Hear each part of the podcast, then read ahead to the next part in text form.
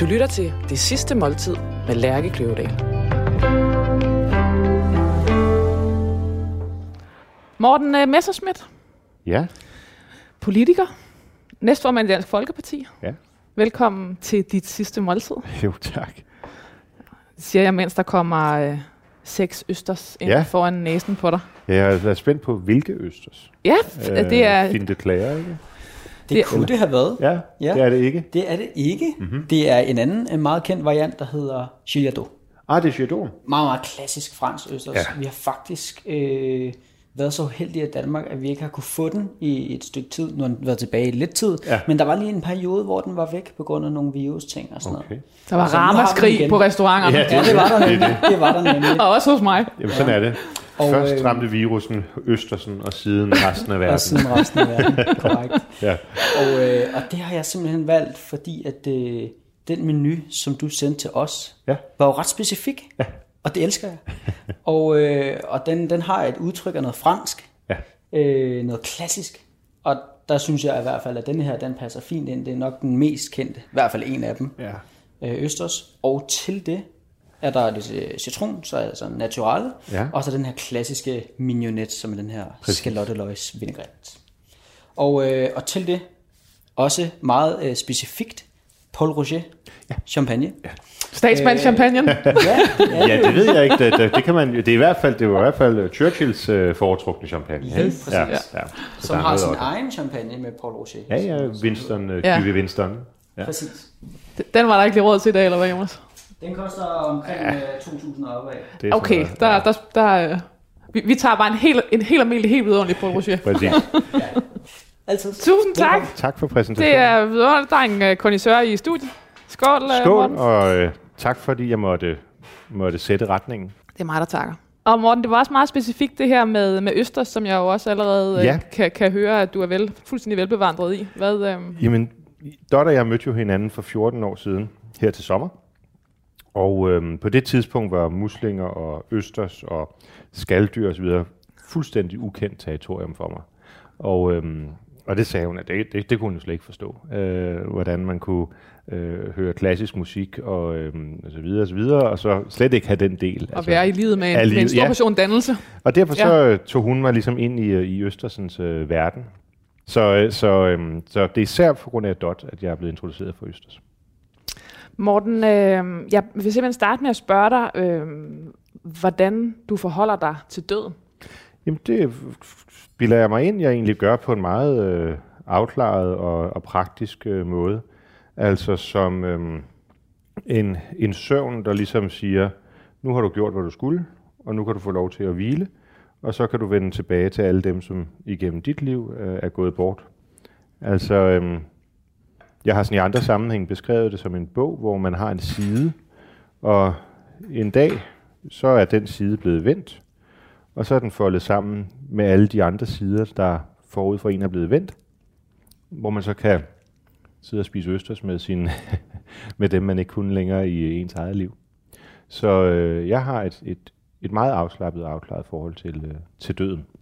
Du har, ikke, der, du, der, du har ikke en angst forbundet med døden. Nej, altså egentlig ikke, ikke længere i hvert fald. Jeg tror, hvis du har spurgt mig for 10 eller 20 år siden, øhm, så ville det være noget, jeg frygtede. Nu er det nærmest noget, hvor... Altså det er selvfølgelig helt forkert at sige længes efter, men det er noget, hvor jeg tænker, at, at det er på en eller anden måde også rart at vide, at det her stridsomme liv på et eller andet tidspunkt bliver afløst af noget mere trygt, og man ligesom er i vores herres hånd. Så det, og det er simpelthen også, at du har den tryghed, at du tænker, at der er noget øh, endnu rarere, eller, eller der venter ja, på dig. Ja, ja det tror jeg. Jeg tror, at dem, altså nu, øhm, jeg har mistet mange af mine sådan, allernærmeste og allerkæreste øh, her de se- seneste øh, fem år. Øhm, og øh, ja, jeg har en, en, en, en tro på, at, at man ses igen. Det er ret øh, voldsomt at øh, læse ind på dit liv, fordi det faktisk øh, står ret tydeligt, hvor mange tragedier, der, der egentlig har været omkring dig. Ja, det må godt snart være nok. Ja, er det den? Øh, det er den? Og, Ja, og, og, ja det, er det, det er den følelse, man sidder med efterhånden. Ja.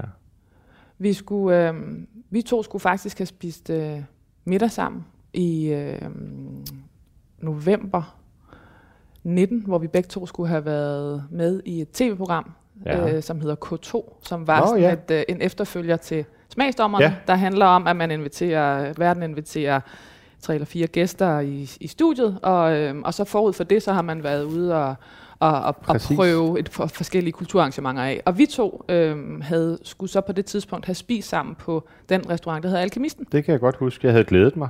Også jeg. Øh, og øh, jeg håber, du fik lejlighed til det. Det gjorde jeg. Nå, det øh, men jeg fik også om formiddagen opkaldet, øh, der hed, at du ikke var med. Og Ja. det var du ikke, fordi din søster var blevet slået ihjel. Ja, præcis. Jeg tror Øh. faktisk, det var øh, altså på 15. november, at den fredag der, det var planlagt til. Ja.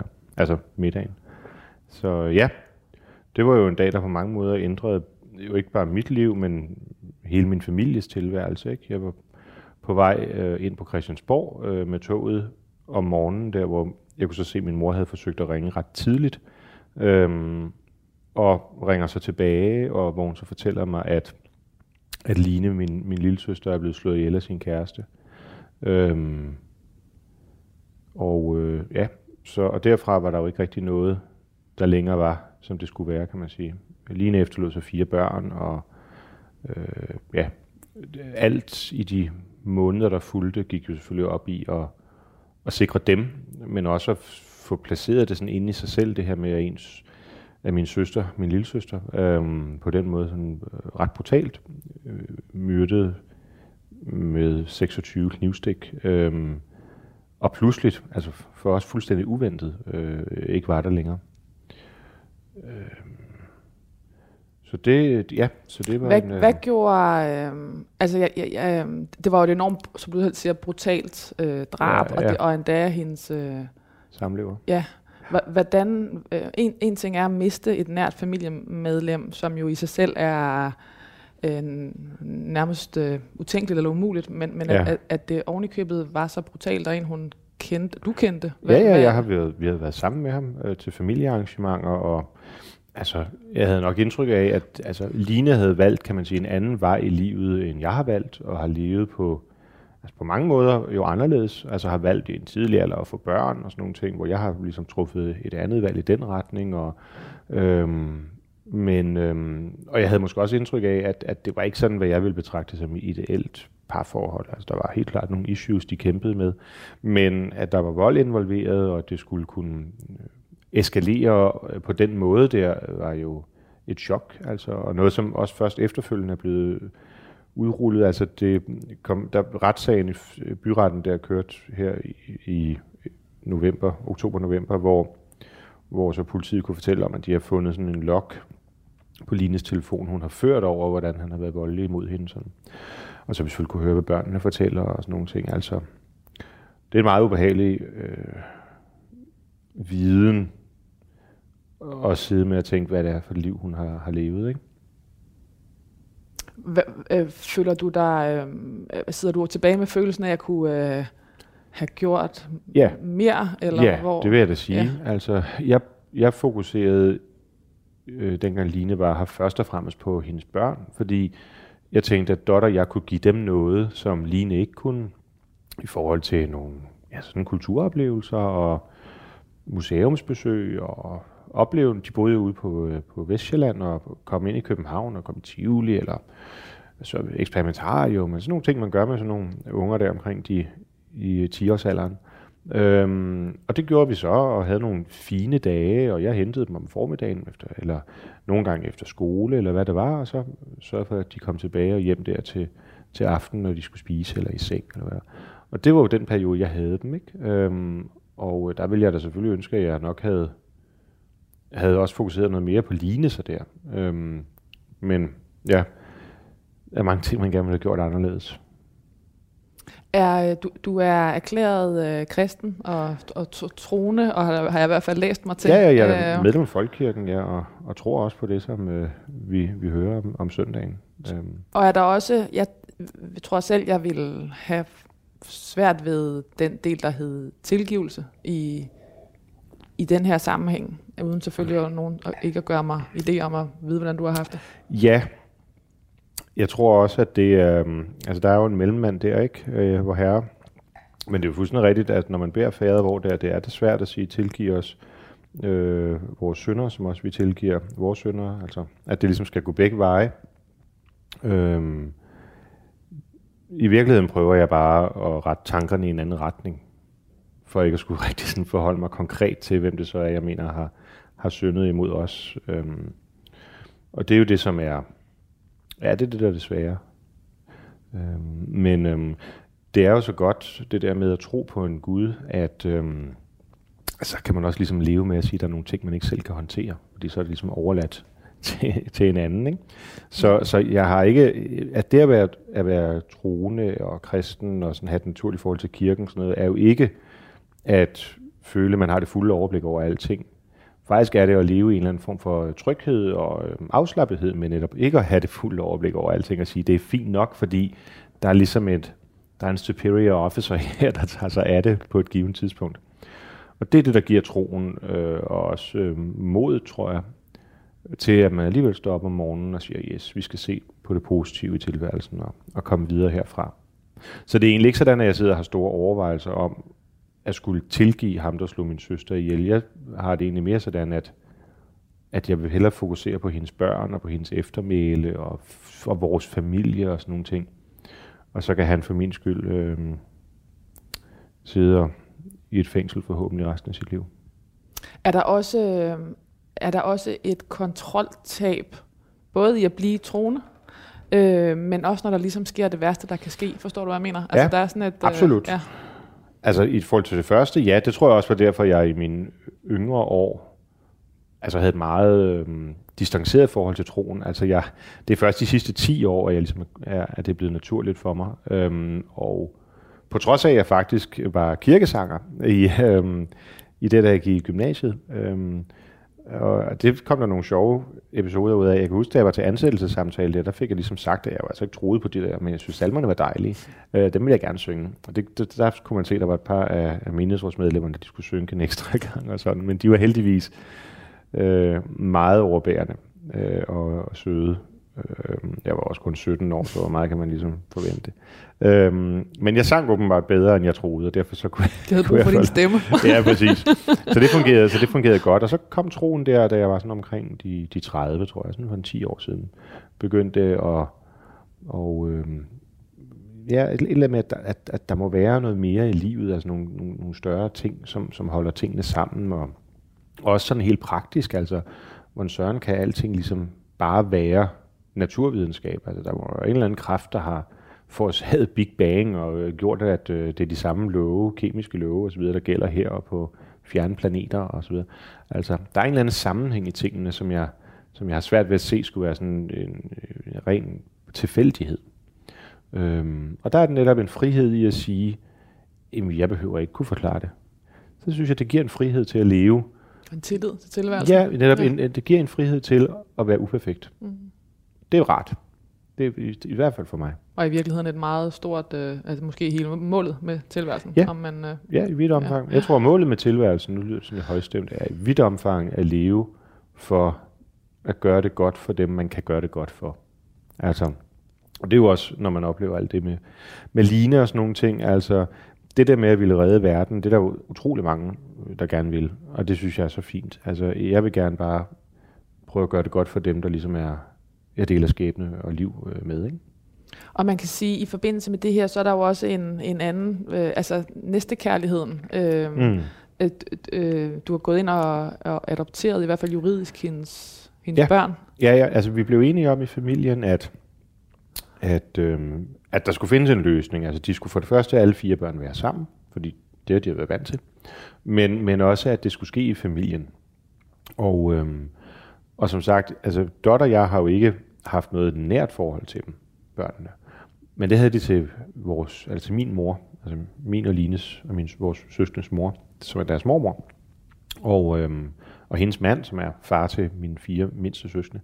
Øhm, og derfor var det naturligt at sige, kan vi på en eller anden måde få dem til at bo der, og kan det lade sig gøre, lave en ramme, hvor de kan gå i skole og øh, daginstitution, SFO og sådan nogle ting. Og det, øhm, og det kunne det godt, og det lykkedes rigtig fint. Men der er jo det, når, når, øh, når der er en, der dør, så går man jo fra at være onkel og mormor og morfar til at være en borger i systemet. Ikke? Øhm, og derfor var man øh, lidt nervøs for, med, på grund af min mors alder, om, om det nu også var det rigtige, fordi den mindste af Lines børn var jo et år øh, på, eller hun var faktisk ikke engang fyldt et år, da Line døde.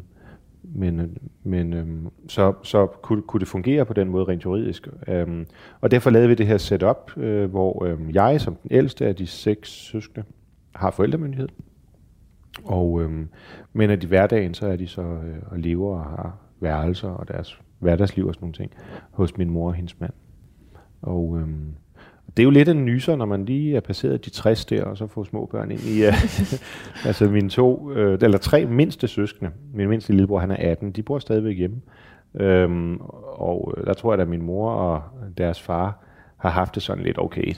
Nu, nu, ud, nu er det fint at få, ja, ja, ja, nu har vi, for sig selv. har vi haft børn hjemme i uh, næsten 40 år. Eller noget. Og, og så lige pludselig, både at blive ramt af den der tragedie, at, at ens datter er, er død på den måde, og så videre, uventet. Øhm, og så også lige få forlænget. Så min mor ender jo med at have, have små børn, eller i hvert fald have børn hjemme i en, i en uh, knap uh, øh, 60 år af sit liv. Ikke? Morten, prøv at høre. Øhm, det er sådan, at jeg har skrevet nogle øh, overskrifter ja. Øh, om dig, mm. som øh, er øh, til dels er fra øh, artikler, der allerede er skrevet om dig, og ja. jeg vil læse dem op for dig, og så ja. vil jeg bede dig om at forholde dig til dem. Ja. Øh, den første, den hedder Dansk Politiks korkprop.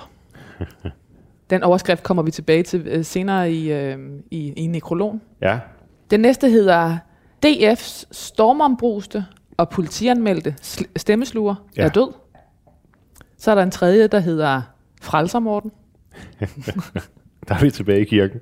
ja. Og så hedder den sidste, DF-politikeren med ekstrem sans for selvisensættelse er død. Mm. Nu er der selvfølgelig ikke nogen af de artikler, jeg har kigget på, hvor der har stået, at du er død. Nej, det giver sig selv. Nej, det er klart. Jeg, jeg forstår godt præmissen. Der er jo nogle af dem, som jeg tror, når vi kommer lidt tid hen, vil ændre sig. Altså politianmeldt, tror jeg, vil ændre sig til renset, for eksempel. Og måske slet ikke nævnt. Og måske slet ikke nævnt. Ja, ja det ville jo også være fint. Frelser, har jeg egentlig aldrig... Det, det bryder mig ikke rigtig Den er voldsom, ikke? Ja, det synes jeg. Det er sådan lidt... Jeg vil hellere være en øh, problemknuser, eller en del af løsningen, eller sådan et eller andet. Frelser, det, det synes jeg alligevel, det er lidt høje forventninger. Og så er der det her med korkproppen. Ja, det kan der jo være flere øh, konnotationer til. Altså, der er jo dels det med at, øh, at komme op på toppen, eller op, op ja. øh, igen, over oven vandet igen. Og så er det jo altså en slet skjult hemmelighed, at jeg er utrolig glad for franske vine. Så, så der kan jo være, der kan være flere elementer i det. Øhm. Den havde jeg slet ikke tænkt på. Nej, den kan jeg godt se. Den er god. Det kunne også bare være det danske svar på share, eller sådan noget, øh. med altid dukker ja. op, selvom man tror, at hun er lagt Og man er inviteret eller ej. Ja, præcis. Så, men, øh, men det er da rigtigt, hvis vi skal tage det første først, så kan vi tage det vinøse bagefter eventuelt. Men altså, at når man kigger... Hvis jeg havde... Eller sige det på den måde. Hvis jeg i 1997, der melder jeg mig ind i Dansk Folkeparti, havde kunne se frem 25 år i krystalkuglen, hvad mit liv skulle indeholde, så kan det godt være, at jeg havde meldt mig ind i noget andet. Hvorfor? Fordi altså, øhm, altså der har jo været altså vildt meget sjovt, sejre, meget at fejre lige fra min valgkampe til, til Europaparlamentet og forbeholdsafstemninger og så videre, folketingsvalg, altså at være med i den der optur. Men der har også været nogle voldsomme angreb, hvis jeg må tillade mig at bruge det udtryk, øhm, hvor jeg i hvert fald vil sige, at selvfølgelig er jeg ikke på nogen måde øh, fejlfri, og jeg kan sagtens se nogle ting, som jeg har gjort forkert, og som har så afstedkommet de angreb, men hvor måske fordi øh, der også er sejrene, at der er nogen derude, der har tænkt, nu skal han, og jeg undskylder udtrykket, nu skal han sat med dykkes, ikke? Øhm, og se om vi kan få ham helt ned, så den der korkkrop aldrig vender tilbage til overfladen. Og de perioder har været meget ubehagelige. Hvad øh, tror du, der er øh, i dig, der gør, at folk har lyst til det? Jeg, jeg tror, det er, at jeg grundlæggende har lært hjemmefra, at, øh, at, at de skal ikke få mig ned med nakken. Øh, og der har været en tendens til jo, i hvert fald i 90'erne og, og 0'erne, at, at du ved, Dansk Folkeparti og det, jeg repræsenterer, er sådan, det er ikke stuerene. Nej, det blev jo sagt direkte af Poul Nyrup. Og derfor, at der kommer en eller anden opkomling, som ovenikøbet prøver at få en akademisk uddannelse og formulere sig sådan nogenlunde sammenhængende i et likstal, som ikke er taget ud af en jumbobog, øhm, og måske endda sætter øh, de kulturradikale partier til vægs, det, det bliver ikke tilgivet lidt. At, øh, at jeg gjorde Dansk Folkeparti til det største parti i Europaparlamentet, det er ikke noget, man bare lige tilgiver. At vi vandt retsforbeholdsafstemningen, da de udskrev den, der var vi bagud 18 procent mod over 40 procent, der ville sige ja. Og det lykkedes os at vende det. Det er ikke noget, man bare lige tilgiver. Så man skal ikke undervurdere, at, øh, at når, man, når man har sejre i politik, jamen, så er der jo nogen, der sidder og føler sig besejret. Og øh, de vil benytte en hver lejlighed til at komme tilbage. Om det så er med øh, det ene eller det andet våben.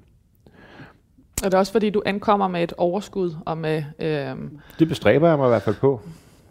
og du er svær at slå ned. Det Jamen, kan det også er simpelthen mange. en, en stil. Altså, jeg vil, ikke, jeg vil ikke acceptere at være slået. Og ja, det provokerer da helt sikkert mange. Og nu sidder folk måske og tænker Melter Felt og sådan nogle ting, og, og vores europæiske parti og alt den virak, der har været. Men altså, hvis du tager tilbage til den største, eller undskyld, den første af de større, det er jo frygteligt at skulle sige i en alder af 40 år, øhm, øh, altså en mediebegivenheder, øh, øh, begivenheder, så var det jo nok hele øh, balladen omkring åbningen af Tivoli i 2007, hvor jeg under påvirkning af svære mængder øh, alkohol øh, blev grebet af en ubendig trang til at synge. Og Det sker jo. Det sker jo for mit vedkommende hyppigt. Øh, Bare vent, når den der Paul Rocher, den er så... Men øhm, nej, og hvor, hvor, hvor vi selvfølgelig også sang tysk, øh, tyske lieder og noget Wagner og sådan nogle ting. Og hvor der så var nogle folk i kredsen, som, som jeg egentlig troede var venner, men som så åbenbart var mere socialdemokrater end, end venner, og fik skabt et billede af, at det så skulle være nazisang, jeg havde sunget. Ikke? Og det tog altså næsten to år, inden fra vi gik derfra og til jeg havde vundet en, en, en injuriesag imod BT, der skrev det. Enormt opslidende. Og i virkeligheden jo, det der er mest opslidende ved de der, de der ting, også med felt og så videre, Og jeg skal lige melde fælde den sag, hvor, du, hvor der har været øh, snydt med EU-midler, og lige nu så det er nogen, der påstår i påstår, man ja. i hvert fald skulle betale øh, en, en, større sum, øh, en stor sum tilbage, og lige Præcis. nu så overvejer bagmandspolitiet, om de skal Lige lave en sag mod dig. Ja, ja, og der er en masse ting, jeg vil sige, øh, i- som parenteser til alt, hvad du siger, men nu bare for at gøre det øh, kort. Så det, der er virkelig er det værste, det er ikke så meget det der med, at jeg bliver angrebet, fordi det, øh, altså det, jeg kender jo ligesom spillets regler. Øh, både det, der står i vedtægterne, og det, der står på bagsiden, ikke? for at sige det sådan. Men når det rammer ens øh, øh, kære, altså når det der med, at ens øh, søskende eller dots piger øhm, skal se mig på forsiden for et eller andet, som er altså helt vanvittigt, som at man skulle have hyldet Hitler, for eksempel. Ikke? Altså, det er jo en relativt vild ting at blive beskyldt for. Øhm, det er virkelig det, der er det sværeste at håndtere. Altså hvis man bare Gør det, kunne der, isolere... gør det der er ked af det? Ja, ja, det gør det, og, og, jeg, og jeg ved, når det gør andre ked af det. Øh, altså, det er virkelig det, der gør mig mest ked af det. De kan, altså, jeg har altid haft det mere eller mindre sådan, at øh, de kan bare køre løs. Altså, fordi, de får mig ikke ned med nakken. Det har de så fået en enkelt gang. Men, øhm, men Hvornår har de fået dig ned med nakken? Ja, da jeg blev syg i oktober øh, 16. Men, men det, der virkelig rammer mest, det er, når man har familie eller venner, som ringer, og man kan mærke, at er sådan bevæget og virkelig oprørte over noget, de har læst i avisen.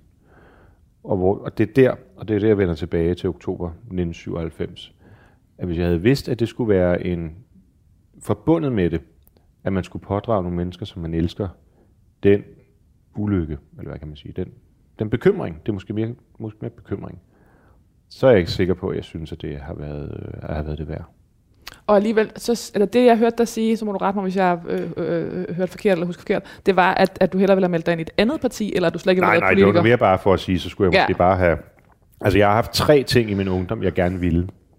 Jeg vil gerne være kok, fordi jeg har altid synes, at mad var fantastisk. Så ville jeg gerne være operasanger, indtil jeg fandt ud af, at Gud havde benået mig med en baritonstemme, så ved jeg sgu ikke rigtigt. Det var Pavarotti, der var det store forbillede. Ikke? Og så ville jeg gerne være advokat. Øhm, og jeg, jeg fik også min juraeksamen. Det var min mormor meget, meget insisterende på, at alt det der med musik og politik og sådan noget, det kunne man altid få noget ud af, men få nu lige en eksamen først. Og det fik jeg så. Og, øhm, Altså, det stod ikke på den måde jo i, i, i, øh, i min poesibog dengang, det er, at jeg skulle være øh, politiker. Så det er det, jeg mener med, at, at, øh, at det var jo nærmest som et udslag af en provokation, at jeg i virkeligheden meldte mig ind, fordi jeg gik på et gymnasium, som var fantastisk, sådan andet gymnasium, som jeg, som jeg boede i Frederikssund, og det ligger i Valby, havde søgt ind på på grund af musikken. Øhm, men, øh, men som viste sig at være, som de fleste gymnasier jo er, meget venstreorienteret. Øh, på lærerniveau, og det hvis smeltede sig ned igennem, kan man sige, til, til eleverne og sådan nogle ting. De var dog mere tolerante end lærerne. Øhm, hvor jeg sådan tænkte, nej, altså det, jeg, jeg vil ikke lade mig øh, påvirke her. Altså, så, så var DF lige stiftet, og det var et indvandringskritisk, EU-kritisk, borgerligt parti osv. Jeg tænkte, det skulle fint, jeg melder mig ind. Og ja, og det er jo så grunden til, at vi sidder her og spiser østers. Men lad mig lige, øh, bare lige holde fast i det her med det sæt Øh, du har øh, fra meget tidligt haft en enorm stærk fornemmelse af, hvad der virker, og haft meget øh, nemt, har det virket som om, at få adgang til medierne. Øh, hvad er det for? Ingen, der siger, det er nemt. Men du har gjort det nemt for dig selv. Du har i hvert fald, du har, i hvert fald du har kendt, kendt spillet. Mm. Øh, hvad, hvad, hvad øh, øh, når jeg skriver selv i din, uh, i din overskrift, ja. hvordan lyder det så for dig? Det lyder som noget, jeg godt kan forstå. Men i virkelig, ja, altså, jeg vil måske i virkeligheden hellere sige, at øh, det handler måske mere om selvkontrol eller kontrol over situationen. Bevidsthed omkring virkemidler og sådan noget, fordi, altså, fordi folk ved jo, hvem jeg er, ikke? Øhm, og om jeg så tager ind på Christiansborg og sidder i toget, og folk kommer hen og hilser og snakker, eller om jeg står i supermarkedet og køber og står og overvejer, skal man tage den økologiske, der koster det dobbelte, eller skal jeg bare tage den almindelige, så ved jeg, at folk kigger med. Og det er jo en præmis. Øh, og der må man bare sige, at, at så kan man jo lige så godt spille med på præmissen. Og ja, i den forstand være selviscenesættende.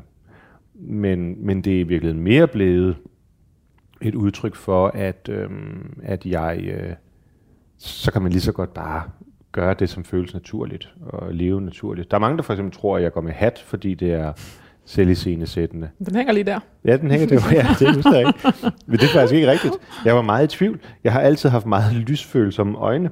Og det, var, og det, og det ser altid, øh, synes jeg, lidt fjollet ud med solbriller. Øh, fordi det fjerner den der umiddelbarhed. Det er i hvert fald et andet udtryk. Lige ja, præcis. Ja. Så har jeg en meget kær ven, øh, der hedder Christian, øh, som går med hat, og, og jeg sagde, jeg kan jo ikke, jeg kan ikke bare lige pludselig gå med hat, og hvad hvis det ikke føles naturligt og sådan nogle ting.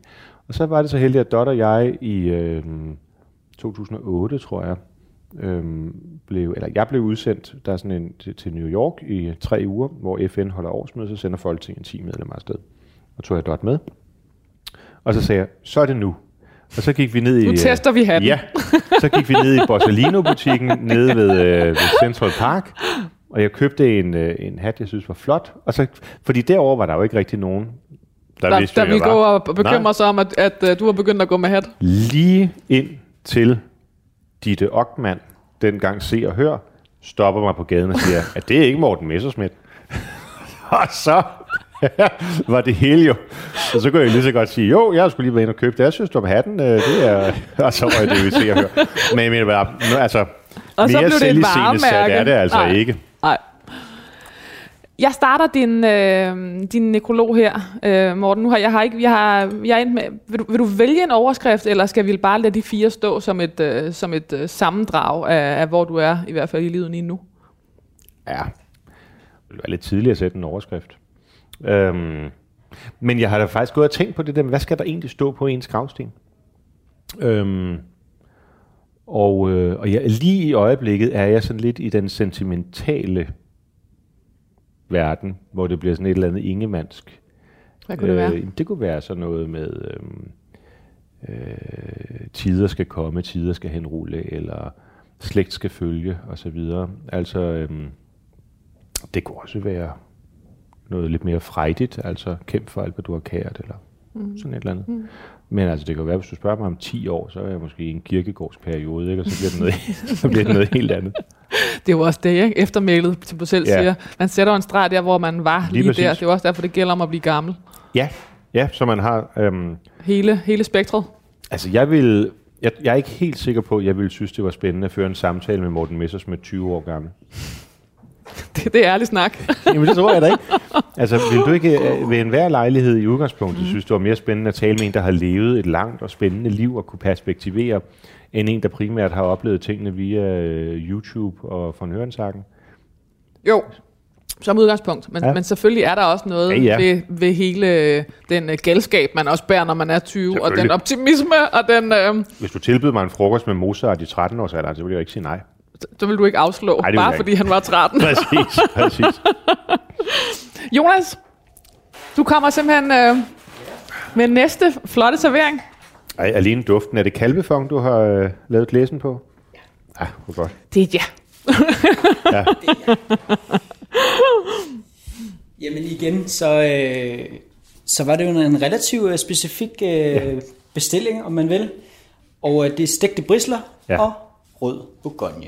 Ja. Så det skal du selvfølgelig have. Stegte brisler, det kan jo øh, gerne være to ting. Det kan være lammebrisler eller kalvebrisler. Jeg har gået med kalvebrisler. Ja, det er jeg glad for. Ja, og det er stegte. Ja. Øh, der er sådan lidt to måder at gøre det på. Nogle glaserer dem, og nogle steger dem. Jeg er også klart selv mest til stegte brisler. Ja, ja. Stegte kalvebrisler med gulerødder, der er ristet med brunet smør, estragon og en, en sauce, en sky, øh, lavet på kalvefong. Og så den her klassiske franske frisé-salat. ja. Det er så smukt lavet. Det er meget, meget elegant. Dejligt. Og til har jeg valgt en øh, Chevrolet Chambertin Ja, fra Bourgogne, som er need no further introduction. præcis, præcis. Det er the, the place to be. Fedt, Jonas. Ej, hold det var for dejligt. Det er French. Det er det i høj grad. Jeg, tag, jeg skulle have lyst til at sige, nu har vi ikke smagt på det endnu, men øhm, jeg var sammen med Henrik Sast den anden dag, som også har en fæble for, øh, for Bourgogne-vine, og øh, som til gengæld har et, øh, som han siger, he doesn't do God. Ja, han, er, han har et mere anstrengt forhold til kirken, hvor jeg, så siger, hvor jeg siger, men du kan godt se, det her ville jo ikke kunne lade sig gøre uden Gud. Der skulle et lille, der skulle et lille, lille stænk Gud i, ikke? Præcis, ja. præcis. Det er Guds beviset, ikke? Tak, Jonas. Tusind tak. Tusind tak, hvor er det flot. Nu vil jeg lade dig starte med at spise, Morten. Og så vil jeg starte på din nekrolog. Jeg lytter. Øh, og jeg skal skynde mig at sige, at den, er, der, den tager udgangspunkt i dit 40-årsportræt i politikken, som er skrevet af Morten Skærbæk. Ja, Få politikere havde som Morten Messerschmidt været så hårdt presset ned i dønnet, for så øh, igen at dukke op, ikke bare til overfladen, men til nærmest at kunne gå på vandet. Morten Messerschmidt havde en usædvanlig politisk karriere, hvor han både øh, opnåede de højeste stemmetal nogensinde i Danmark, og i perioder at være uønsket i sit eget parti. Hvad tænker du om den start her oven i Kalve Brisler? Jamen, den bærer jo præg af, hvad der er sket i årene op til min 40-års fødselsdag. Mm. Og er jo ikke på nogen måde usand. Men, øhm, men vi er jo også kommet lidt videre. Altså, fordi det der er sket efter det, som Skærbæk øh, beskriver, det er jo blandt andet, at en, en, en enstemmig folketingsgruppe har gjort mig til næstformand i Dansk Folkeparti. Og Så man- kulturordfører. Og kulturordfører, ja, ja, det er måske næsten endnu mere fornemt. Så jeg, altså, sådan er det jo i, øh, i politik, ikke? Er det ikke, um, altså, hvad er det ikke en Hansen, der siger, at man skal altid tilgive, man skal bare blive ved med at huske deres navne? øhm, og det synes jeg er et meget smukt, øh, smukt billede. Altså, man kommer jo ikke i nogen sammenhæng, hverken familiemæssigt eller, eller i andre brancher, videre, hvis man hænger fast i fortids nid og nag, altså. Men det er klart, at man skal heller ikke være så dum, at man bare lalleglad glemmer øhm, dem, som ikke var der, da man troede. Bærer du af? Nej, det gør jeg ikke. Men jeg husker deres navn. Morten Messerschmidt blev født i 1980 i Frederikssund som søn af arbejdsmand Carsten Christoffersen og kommunalsekretær Inge Messerschmidt. Hans far forlod øh, hjemmet, da Morten var halvandet år. Hans mor var deltidsansat, kårene var små, og morforældrene var forbilleder. Og det er fra en artikel i Information i Mm. 2011. Det jeg havde et meget, altså virkelig tæt forhold til min, min mormor, som desværre døde her for to år siden. Øhm, også meget pludseligt. Stakkels din mor, Ja, som har stået på, med året før med moren, der døde, og året ja. efter med datteren, der døde. mormor dør den 7. februar, og så dør Line den, den 15. november. Ikke? Og, øhm, og vi havde først fået at vide i oktober, at mormor var syg. Øhm, I øvrigt en helt vanvittig fortælling, altså, fordi hun... Jeg var meget tæt på hende, vi sås meget, talte sammen dagligt, øhm, eller i hvert fald næsten dagligt. Og, når, øhm, og hun havde gennem lang tid syntes, at hun havde problemer med hjertet. Og jeg havde, hver gang hun følte, det var slemt, så tog jeg hende ned på Hamlet og sørgede for, at hun fik altså, så, så hurtigst muligt behandling, og, altså, og de kunne ikke se, at der var noget gennem det hjerte der. Men så viste det sig øh, lige pludselig, øh, da hun var til en anden undersøgelse, at hun havde haft en, øh, en spisorestcancer, der har siddet igennem 10 år, og bare vokset og vokset og vokset. Og det er jo den trykken, hun så har haft i brystet, hvor hun troede, det var hjertet, men hvor lægerne ikke har set det. Og da hun så finder ud af det, jamen så, det er i oktober øh, 18, og så dør hun så efter fire måneder. Det var også et voldsomt chok, at det kunne gå så stærkt, øhm, og miste nok den person, øh, som har betydet mest for mig i både i min opvækst og øh, også i mit voksne liv. Altså det er hende, jeg har betroet mig til, det er hende, jeg har lyttet til. Og selvfølgelig også min morfar, som lever endnu, og er en, en skøn 90-årig, og cykler stadigvæk, og alt muligt. Klarer sig rigtig godt. Men det har så været mormor, øh, som har, har fyldt meget for mig. Så ikke at have hende i livet længere, det er en daglig smerte. Hvad var det for en opvækst, du havde? Altså min mor og far øh, var meget, meget unge. Øhm, jeg tror, min mor var 20, da hun blev gravid, og, og, og det var slet ikke planlagt, og de var slet ikke klar og så videre. Så derfor så går de fra hinanden ret tidligt. Og jeg ser ikke min far før jeg er en 10-11 år. Så jeg vokser op der med min, med min mor, og Line kommer så til, da jeg er 7. Hun blev født i, i 88 i juni, og jeg, som jeg er født i, i, i 80. Og, øhm, og så flytter vi, vi bor i Frederikssund, flytter lidt rundt i begyndelsen i sådan sociale boligbyggerier, almindelige boligbyggerier. Øhm, men ender så ved, at min mor sammen med en kæreste, hun har på et tidspunkt, køber sådan en murmestervilla ude i et område af Frederikssund, der hedder Marbæk. Øhm, og der bor min mor og morfar lige på den anden side af jernbaneoverskæringen. Så det vil sige, hvis det er fuld flugtslinje, så taler vi sådan 20 meter. Men man skulle så lige over en bro og sådan nogle ting, så det kunne godt tage et kvarter at gå derover. Men vi var meget tætte. Og det var, det var fint, for dengang kostede det sådan en time eller minuttakst at tale telefon, så jeg kunne ikke ringe til mor og morfar. Men jeg kunne tale med dem fra hæk til hæk, så længe der kørte tog. Øhm, og derfor var vi jo tætte, og øhm, så, så man kan sige, det jeg ikke havde i en far, for eksempel, det er klart, at det blev, det blev, den rolle blev fyldt ud af min morfar. Øhm, og jeg har fået rigtig meget af det stridsomme fra min mor. Altså det der med korkproppen. Men det, som jeg nok har fra mormor og morfar i hvert fald, det er sådan noget med, at du skal lige lægge lige en tiger til side, hver gang du har tjent 100 kroner, og så eller øhm, du skal lige sørge for at få din eksamen, før du gør noget skørt, som begynder at synge, eller sådan noget. Ikke? Øhm, altså sådan gode og byggelige værdier. Øh, det fik jeg fra dem, har fået fra dem. Og det er en helt fantastisk mix. Det var, var du, et, var du øh, et mærkeligt barn? Altså på det den, tror jeg ja. nok, øh, jeg var i et, i, i et vist omfang. Altså, der var i hvert fald ikke andre, der på den måde dyrkede Mozart i 4. klasse. Men, men men det, det sjove er, fordi der er mange, der spurgte mig om det der med, om jeg så blev mobbet, og var jeg sådan et outcast og sådan nogle ting, og det kan jeg slet ikke huske. Nej. Og enten, enten har jeg bare en, øh, en, en velsignet fortrængningsevne, eller også så, øh, og det tror jeg altså, jeg tror altså, jeg tror simpelthen bare, at de andre synes, det var, det var meget fint. Det var bare, det var, de kaldte mig messer. Det har vi altid heddet i min familie. At, at øh, det var bare messers hobby. Altså, så var der nogle andre, der samlede frimærker og så videre. Ikke? Så det var ligesom det rum, jeg fik lov til at være i. Der var en helt anden tolerance, eller hvad sådan noget hedder, rummelighed, synes jeg egentlig måske er et bedre udtryk, i folkeskolen dengang, end jeg tror, der er der i dag. Altså hvad jeg, hvad jeg hører fra min, min niece og sådan. Som 16-årig meldte Morten Messerschmidt sig ind i Dansk Folkepartis Ungdom. Og ifølge et portræt i Berlinske, øh, stillede han sit vækkeur til at ringe flere gange hver nat, så han kunne tænde for radioavisen og dermed være fuldt opdateret til næste morgen. Mm. For Messerschmidt var der afkast af arbejdet, og han blev udnævnt til næstformand i ungdomsorganisationen i 2001, en post han besad i flere år. Ja. Jeg er den evige næstformand. det kan være, det bliver din overskrift. ja, det kan være, det er det. Den evige næstformand. Hvad, øh, hvorfor vil du være med i et parti? Altså oprindeligt, det der, det der der i, i 97, da jeg meldte mig ind, der var den direkte anledning, det var Amsterdam, for, øh, Amsterdam folkeafstemningen. 28. Maj, maj 1998, hvor øh, jeg havde ikke stemmeret endnu, det får jeg først i november 98, men øh, det optog mig rigtig meget, og jeg havde egentlig været interesseret i EU-politik allerede siden Edinburgh og Maastricht-afstemningen i 92-93.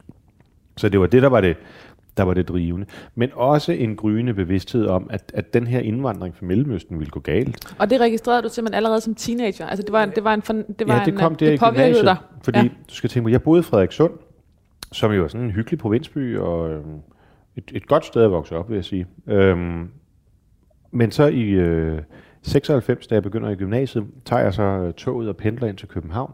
Og det bliver sådan lidt en øjenåbner for, hvad der sker, når den der indvandring, du ved, tager meget kraftig fat. Fordi det var jo en helt anden øh, kulturel sammensætning, øh, de unge mennesker havde, eller mine jævnaldrende havde. Øh, på det tidspunkt, vi, det lå, lå lige ved siden af Vesterborgerdyd, som var sådan meget indvandreragtig, øh, og hvor hvor de, de ødelagde undervisningen, og der var sådan graffiti, og du ved, det var sådan en helt anden, altså, at, at Sankt Anne og Vesterborgerdyd lå, jeg tror nærmest matrikel ved matrikel, men det var to verdener.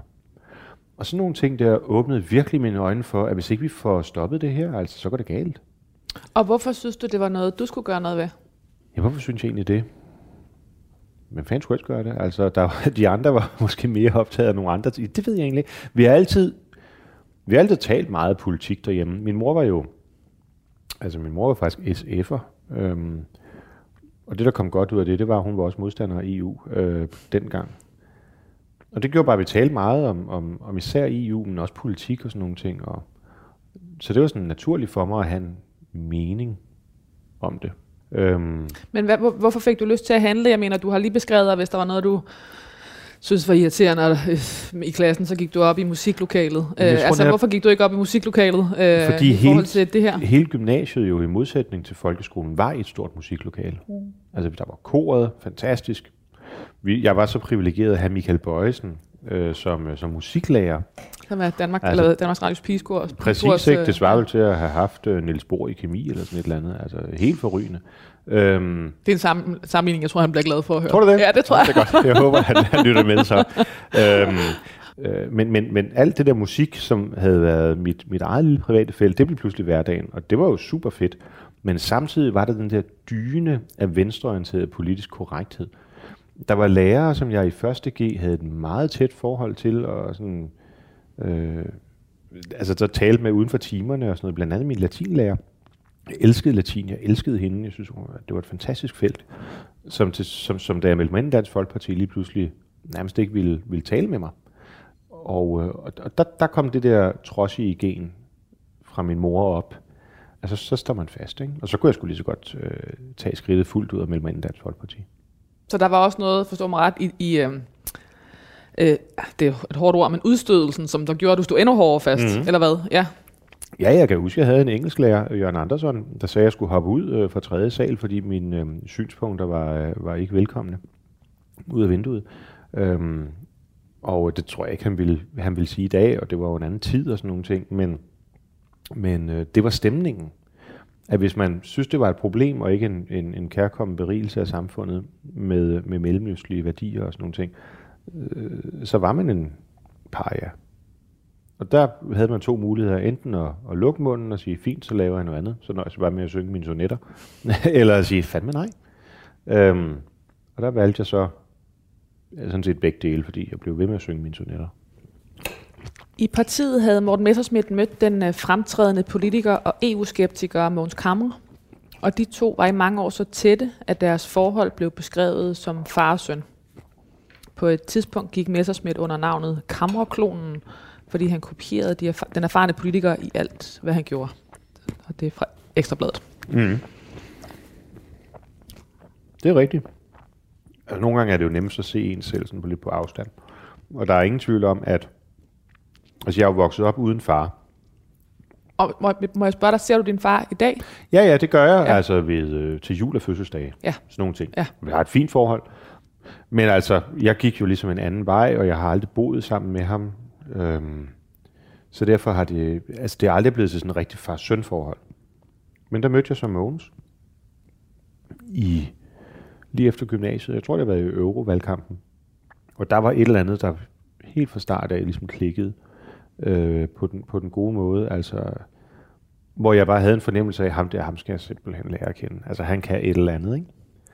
Og sådan langsomt gjorde jeg sådan min hoser grønne over for, for Mogens, og, og han fik øje på mig, og, øh, og vi blev i de år der sådan meget tætte, og fik jeg sådan et, et far søn. Han kaldte mig Sønneke, øhm, sådan med et, med et glimt i øjet. Han har jo, han har jo syv unger selv, så, men så må sige en fra der til, det ved jeg Men altså, som jeg øvrigt har et, et, de fleste af dem et, et, et rigtig fint forhold til nu, hvor øh, når Mogens desværre, Mogens desværre er død. Hvad gjorde det ved dig, at han kaldte dig Sønneke? Der rankede jeg ryggen. Fordi at det der med at have en, som altså en så stærk karakter, der ligesom ville tage mig til sig. Vi havde et, øh, vi havde et meget, meget fint forhold. Han døde desværre, mens jeg var øh, sygemeldt i øh, øh, december 16. Igen meget pludseligt og meget voldsomt af en sygdom, der hedder ALS, hvor ligesom alle muskler langsomt lukker ned. Jeg var sammen med ham om morgenen, da han, da han døde senere på dagen. Og var, man, var, var, var han også stadig helt øh, kvik i hovedet øh, til det sidste? Ja, bortset fra, at der ikke var nogen muskler. Altså, han kunne ikke engang blinke med øjnene. Det eneste, der virkede, det var åndedrætsmusklen. Men jeg kunne tale til ham, og jeg er helt sikker på, at han kunne høre det derinde. Men øh, det, det er en meget det er en meget sindssyg ting at se folk dø med ALS. Der vil jeg sgu hellere øh, bare gå i seng og så ikke vågne om morgenen. Det mediemæssige gennembrud kom, da Morten Messersmith i 2002 øh, blev øh, som formand for foreningen Kritiske Licensbetalere og, og næstformand for Dansk Folkepartis Ungdom, blev interviewet af journalisten Michael Bertelsen i programmet De Uaktuelle Nyheder. Messersmiths øh, forening var en protest øh, mod et ifølge Messersmith venstresnodet DR, og interviewet blev siden berømt, fordi Bertelsen som en planlagt gimmick afsluttede sine spørgsmål til Messersmith med ordene dit højorienterede svin. Fra dag af var Messersmith et kendt ansigt og navn hos DR2-segmentet, og andre stiftede kort efter bekendtskab med ham, da han deltog i reality-programmet Big Brother VIP. Ja. øh, og i 2005 blev han første gang valgt til Folketinget. Jeg var lige at- at gense øh, øh, klippet med, øh, med, øh, Michael Bertelsen, og øh, selvfølgelig, er, at det er jo tv-historie, det, det kommer vi vist ikke udenom, men, det, men man, jeg tror, jeg havde blikket lidt mere festnet på dig den her gang. Det er ret vildt, hvor øh, cool du faktisk er, øh, din alder og situationen taget i betragtning. Det var jo også en... Øh, ja, det var en vild sjov. Jeg, jeg er ikke helt sikker på, at jeg vidste, hvad det var, jeg var en del af, da jeg stillede op der. Øhm, men øh, det, var, det var jo sjovt. Men man kan sige, at du, du vælger at blive, og du Ja, vælger ja, faktisk at holde dig fuldstændig straight til sagen. Ja. Men du står den simpelthen igennem i Jo. 5-6 minutter, eller hvor lang tid Nu det nu har er. Mi- Bertelsen og jeg har en, øh, en, en ed om, at vi tager alle omstændighederne med os i graven. Aha, Ja. det, det er jo en teaser. Eller en cliffhanger.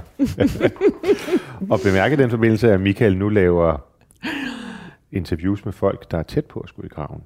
Så, så der kommer en god historie den dag, du dør, men den må jeg vente med. nu det bliver jeg det ikke et stærkere cliffhanger, nej. øhm, det var, øh, jeg kan huske, da han ringede, jeg sad i et S-tog. Øhm, det er egentlig bemærkelsesværdigt, hvor mange gange jeg har sagt det den seneste time her. Øhm, men det gjorde jeg. Jeg tror, øh, linje A mod Hillerød, øhm, hvor han spurgte, om jeg ville være med i et, i et lille eksperiment. Og det øh, var jeg jo så lidt sindig nok til at sige ja til. Og det har jeg virkelig ikke fortrudt. Øhm, altså dels det der med den dag i dag, når jeg er ude at tale på gymnasier eller sådan noget, handelsskole og sådan. Unge mennesker, der jo ikke var øh, født på det tidspunkt, de kommer og siger, var det staged, eller var det, var det ægte? Det synes jeg er altså virkelig, altså så har man virkelig ramt noget, ikke? at folk stadigvæk gider at tale om det. Og, sådan. og det kan godt være, at det var mig, der selvfølgelig for 80% vedkommende var ligesom den, der var, der var på, øh, på spil. Men øhm, Det var i hvert fald dig, der var den provokerede. ja, det var mig, der var provokeret, ikke? men, men Nå. jeg, jeg synes stadigvæk, at gimmicken er sjov. Øhm, og, og, og, og så kom der jo faktisk noget meget, meget smukt ud af det, nemlig et venskab. Og det elsker jeg. Og det var noget af det, jeg elskede aller, allermest ved 24-7. Som vi jo desværre ikke for tiden har, men som jeg har sagt til Michael, jo ikke er dødt. Det ligger bare i koma. Øh, men det der med som politiker også en gang, man kunne få lov til at træde ud af den alvorlige rolle og spille en parodi på sig selv, det synes jeg er enormt. Det gjorde jeg i den korte radioavis med Kirsten Birgit.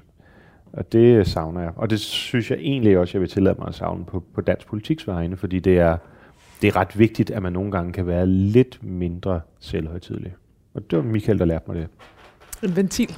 Ja. ja. Jonas, Nej. det er desserttid. Det er desværre tid. Og nu har vi jo været lidt, øh, lidt meget i det franske, Ja, og øh, nu skal vi altså helt ærkedansk. lige præcis. Det vil jeg i hvert fald mene. Vi skal have citronformage Ja. med lidt, øh, lidt pisket flødeskum. Og, øh, og der er ikke så meget mere at sige om det. Jeg har taget en lille frihed og lavet en kop kaffe til. Det er dejligt. Det, det er sådan set det. Tusind tak. Fremover. Tak, Jonas. Velkommen. Hvorfor skal vi have citronformage? Det skal vi, fordi min mormor lavede verdens bedste citronformage, kun næsten udfordret af Dot citronformage. Sådan. Ja. Der er, Det er altid mig, der laver maden derhjemme, altså hvor, med Dot og mig, bortset fra desserterne. Dem står hun for. Ja. Så øh, nej, øh, jeg, det, det, jeg forbinder det bare med mormor, og, øh, og fra min konfirmation, og sådan forskellige festlige lejligheder, der var det citronformage. Og jeg synes, det smager vildt godt. Altså det, det øh, syren og det søde over for hinanden, det, det kan jeg godt lide. Så det kan jeg godt lide. Så kommer vi hjem på desserten. ja, lige Nu har præcis. vi været ude ja. i verden. Ja, nu har vi Ja. været ved Rue Ja. Og, øh, og, og hvad var det, øh, Giro øh, Østers, og så vender vi hjem med citronformage. I 2007 landede Messerschmidt på forsiden af BT, hvor han blev beskyldt for at have hyldet Hitler ved blandt andet at hejle og synge under en våd bytur på restauranten, øh, på restauranten Grøften i Tivoli. Sagen var ekstremt voldsom, og undervejs lagde partiledelsen så kraftigt afstand til ham, at han røg helt ud af partiet, og i en tid var løsgænger på borgen. Mm. Og hele den her tekst er også Morten Skærbæks fra Politikens. Kort efter blev han dog taget til noget igen, og han indledte en injuriesag mod BT.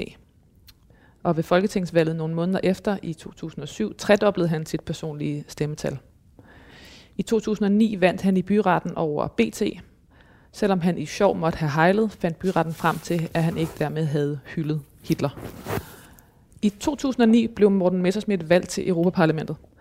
Det var dog ved det efterfølgende EP-valg i 2014, at han bragede igennem og slog alle rekorder. Med sensationelle 465.758 personlige stemmer fik han flere end hver femte stemme ved det valg og slog Danmarks rekord i antal personlige stemmer. Messerschmidt kunne gå på vandet, men samtidig kom det frem, at EU-midler var blevet misbrugt af de to politiske DF-fonde Meld og Fæld, som han stod bag. Morten Messerschmidt øh, befandt sig igen i en, med Pia Kærsgaards ord, mediemæssig tsunami. Det endte med, at han måtte trække sig fra gruppeformandsposten i Bruxelles og fik hårde ord øh, fra partiledelsen hjemme i København. Messerschmidt blev efter et ildbefindende langtidssygemeldt. Ja. Og det, det, det her med det langtidssygemeldte, det er også en, øh, en historie, der går igen for dig også i snakken her i dag, at, øh, hvor du siger, der, der fik de mig. Ja. Øh, er, er, er det den følelse, du, du sidder med øh, som Ja. et øh, efterspil Ja. i, på den her sag? Ja, det er det. Det er det. Altså, der er... Øh, ja, altså, der, er, der er en grænse for, hvor meget pres... Det er egentlig godt være, at man psykisk kan klare det, men der er simpelthen en, en grænse for, hvad kroppen kan tage. Hvad skete der? Jamen, der er sket det, at, at vi var på vej, Dot og jeg var på vej op mod Nordsjælland, hvor vi har et sommerhus, øh, hvor vi skulle tilbringe weekenden. Og du ved, i øh, dag efter dag blev jeg bare bombarderet med nye beskyldninger, som jeg ikke kunne nå at modbevise af flere årsager, altså blandt andet fordi alt materiale lå i Bruxelles. Øhm, noget af det, de havde fået fra Europaparlamentet, havde jeg slet ikke kendskab til. Altså det var ting, som var foregået helt uden min vidne. Øhm, og inden man nåede at finde frem til at dementere en historie, så var den næste kørt. Og at være under sådan en massiv beskydning der, i, jeg kan ikke huske hvor mange dage, en uges tid eller et eller andet, øhm, det gjorde simpelthen til sidst, at jeg, jeg fik ikke sovet ordentligt, fordi det kørte rundt hele tiden i hovedet. Jeg prøvede hele tiden at få fat i folk ude i Europa, som kunne hjælpe og bringe materiale hjem, som jeg kunne bruge til at modbevise. Øhm, og ja, på vej op der, øhm, får jeg simpelthen sådan en, ligesom lyset langsomt slukker ned. Øh, og Dot kører mig ind på, det tror det er Hillerød sygehus, som så tager mig ind og tjekker og sådan nogle ting, og konstaterer, at det er stressbetonet, og jeg skal ligesom prøve at trække stikket ud. Og det vælger jeg så at gøre. Bliver du bange? Ja, det er det ubehageligt at miste, øhm, altså, at miste fornemmelsen for, for sin egen førlighed. Ja. Det kunne jeg ikke lide. Hvad, hvad gjorde du? Jeg lavede mad. Rigtig meget. Gik bare rundt. Vi havde som sagt oppe i sommerhuset mange dage, så var vi også på bakken og sådan. Men prøvede at holde os sådan lidt, hvor der ikke var så mange mennesker. Hvor jeg øh, kogte fong og ja, alt muligt. For, for at abstrahere derfra, ikke? Morten Messerschmidt vil blive husket for sin øh, både skarpe og provokerende retorik, sin øh, bombastiske politiske karriere og sin evigt intense modstand mod EU. det sidste er jeg i hvert fald glad for. Morten Messerschmidt øh, efterlader sig kæresten, bakkesangerinden Dot Westman. Er, hun, er du hun din kone? Nej, vi er, vi er ikke gift. Det kunne vi godt være. Men øh, det kan være, det kommer. Det er næste kapitel. Det er næste kapitel. Det er en del af det store næste Lige kapitel. Du har en præcis. plan. Jeg har en... Øh, jamen, jeg har også... Øh, jeg har også frihed til hende. Så, men der er lige nogle omstændigheder, der skal være på plads. Hvad handler det om? Det handler om, at hun stadigvæk er gift. Det er Så- væsentligt. Så øh, det skal lige håndteres. Æret være hans minde. Ja, det håber jeg da. Egentlig mere, han gjorde, hvad han kunne. Altså, jeg synes, det er det, der er, er det vigtige.